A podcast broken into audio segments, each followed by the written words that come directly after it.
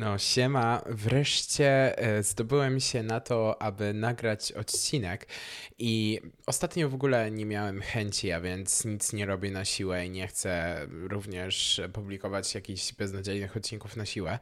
Aczkolwiek em, przed chwilą właśnie dopiero co skończyłem sesję moją terapeutyczną i e, uświadomiłem sobie pewne takie ważne rzeczy, które myślę, że popełnia większość z nas, przynajmniej singli. E, życie singla z się i ja o tym nie muszę mówić.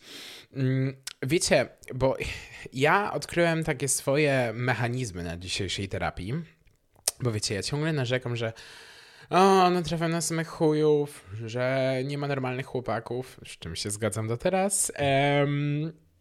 I ogólnie non-stop narzekam na moje życie miłosne. A wiecie, co jest najlepsze? Najlepsze jest to, że wartościowych, potencjalnych chłopaków e, odrzucam. I czemu odrzucam? Czemu odrzucamy wartościowych chłopaków? Jest oczywiście na to kilka potencjalnych możliwości, ale jedną z tych możliwości jest y, takie nasze ukryte mechanizmy. I y, na przykład mój mechanizm wygląda tak, że ja gustuję w chłopakach bardzo męskich. I to jest ogólnie typ moich chłopaków. Musi być przystojny i bardzo męski. I dominujący. E, a chłopacy, którzy są dla mnie mili, którzy, nie wiem, mnie wspierają, którzy są słodcy, którzy dają mi e, całą swoją miłość, ja po prostu się, ja po prostu się nimi nudzę. I kurde, e, stwierdziłem, że coś jest nie tak. I tak rozmawiam sobie z moją terapeutką i ona tak mówi, wiesz co, widzę tutaj pewnego rodzaju zależność. I kurde, faktycznie, i, i zaraz wam o tym powiem. Okazuje się, że często gustujemy w chłopakach, którzy są dla nas nieodpowiedni. W sensie mm, mamy określony swój typ i ogólnie typy ludzi um, wiążą się z naszymi relacjami, a w szczególności jakby pierwsza miłość przechodzi na wszystkie inne miłości. I jeśli na przykład zakochaliśmy się w osobie, e, w pierwszej osobie, w której się zakochaliśmy i ta osoba na przykład była, nie wiem, narcystyczna, z wysokim ego, to zazwyczaj potem szukamy takich chłopaków. I nie znam uzasadnienia czemu, ale faktycznie wiem, że zachodzi jakaś taka zależność. Tak samo oczywiście może być z dziewczynami, nie? Ja tu mówię o każdej płci. Ale ja będę operował na chłopakach, bo ja jestem gejem, a więc tak mi po prostu łatwiej się e, przerzucać. No i co, słuchajcie. E, no to u mnie mechanizm wygląda tak. Mm, wyobraźmy sobie dwóch chłopaków. Mm, jeden jest właśnie w tym moim typie, jest taki bardzo męski, jest totalnie w moim guście, jest przystojny, jest hot, no ale jest niedostępny i jest po prostu chujem z charakteru. I wyobraźmy sobie drugiego chłopaka, który nie jest przystojny, albo nie jest aż tak przystojny, ale kurde, traktuje mnie bardzo dobrze, e, ma super charakter, no i w ogóle ideał. No i na pewno wiem, że odzajemnia moje uczucia. E, I jak robiłem do tej pory? Oczywiście, że wybierałem pierwszą opcję, ponieważ e, uważałem, że pociąg fizyczny jest jedyną opcją. Otóż e, okazuje się, że nad pociągem fizycznym można trochę popracować. W sensie takim, że nad schematem naszym.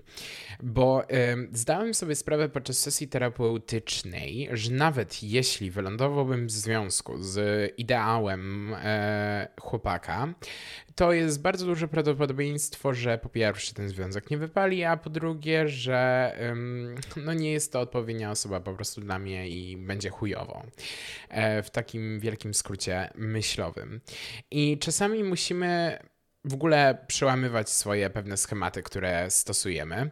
I dlatego warto też zwrócić uwagę na osoby, które może nie są naszymi ideałami, ale mają super charakter.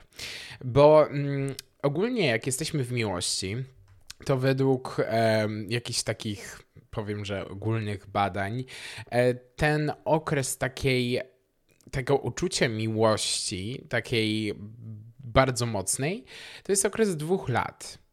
A po dwóch latach dużo rzeczy zaczynamy odkrywać, jakby minusy danej osoby. No i wtedy czasami albo te minusy przeważają, albo nie przeważają. E, ale do, jakby dostrzegamy rzeczy, których wcześniej nie dostrzegaliśmy.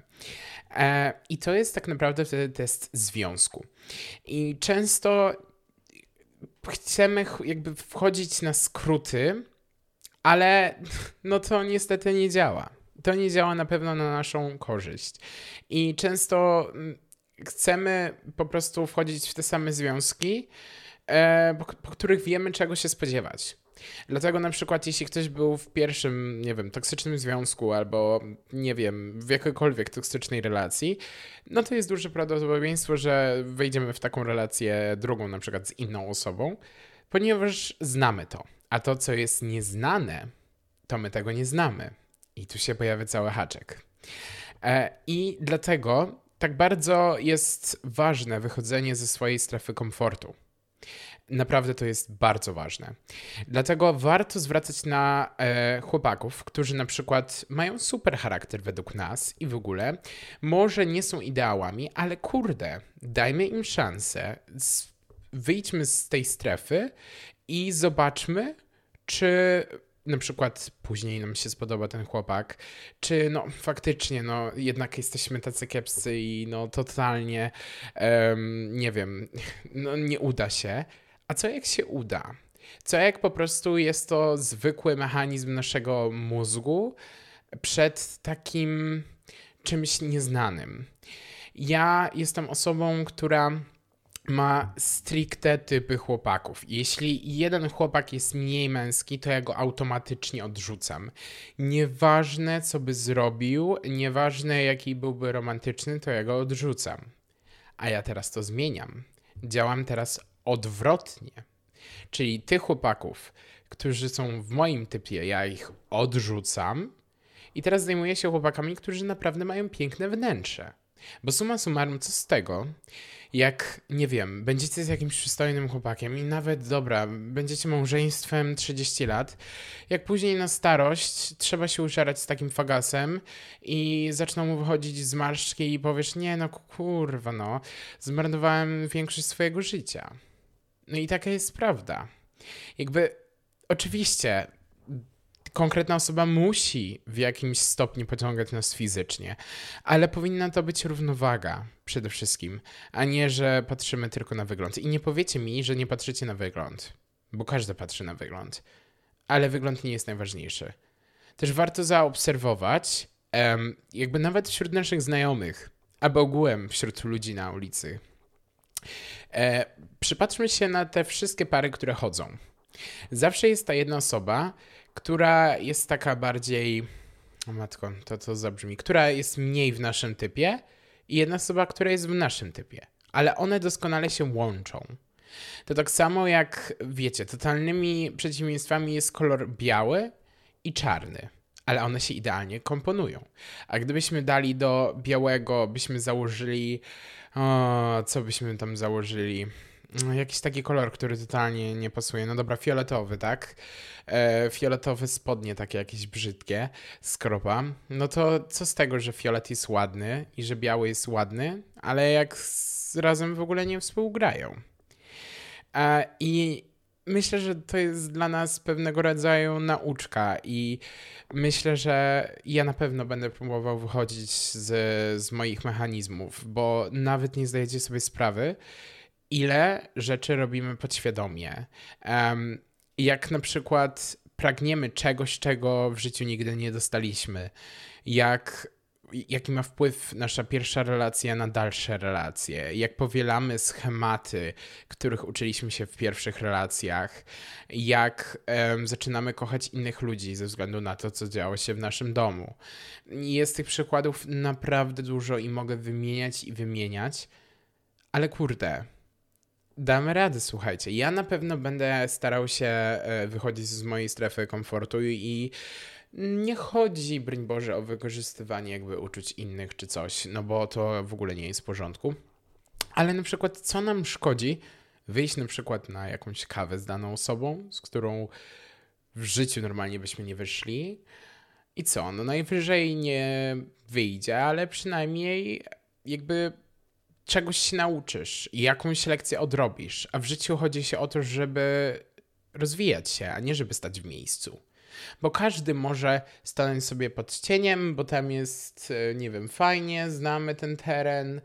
Um, I nie wiem, to tak samo jak z lasem, tak? Znamy jedną drogę do lasu, no ale czemu nie możemy skręcić w lewo? Może tam jest piękniej niż ta droga, przez którą chodzimy przez 10 lat.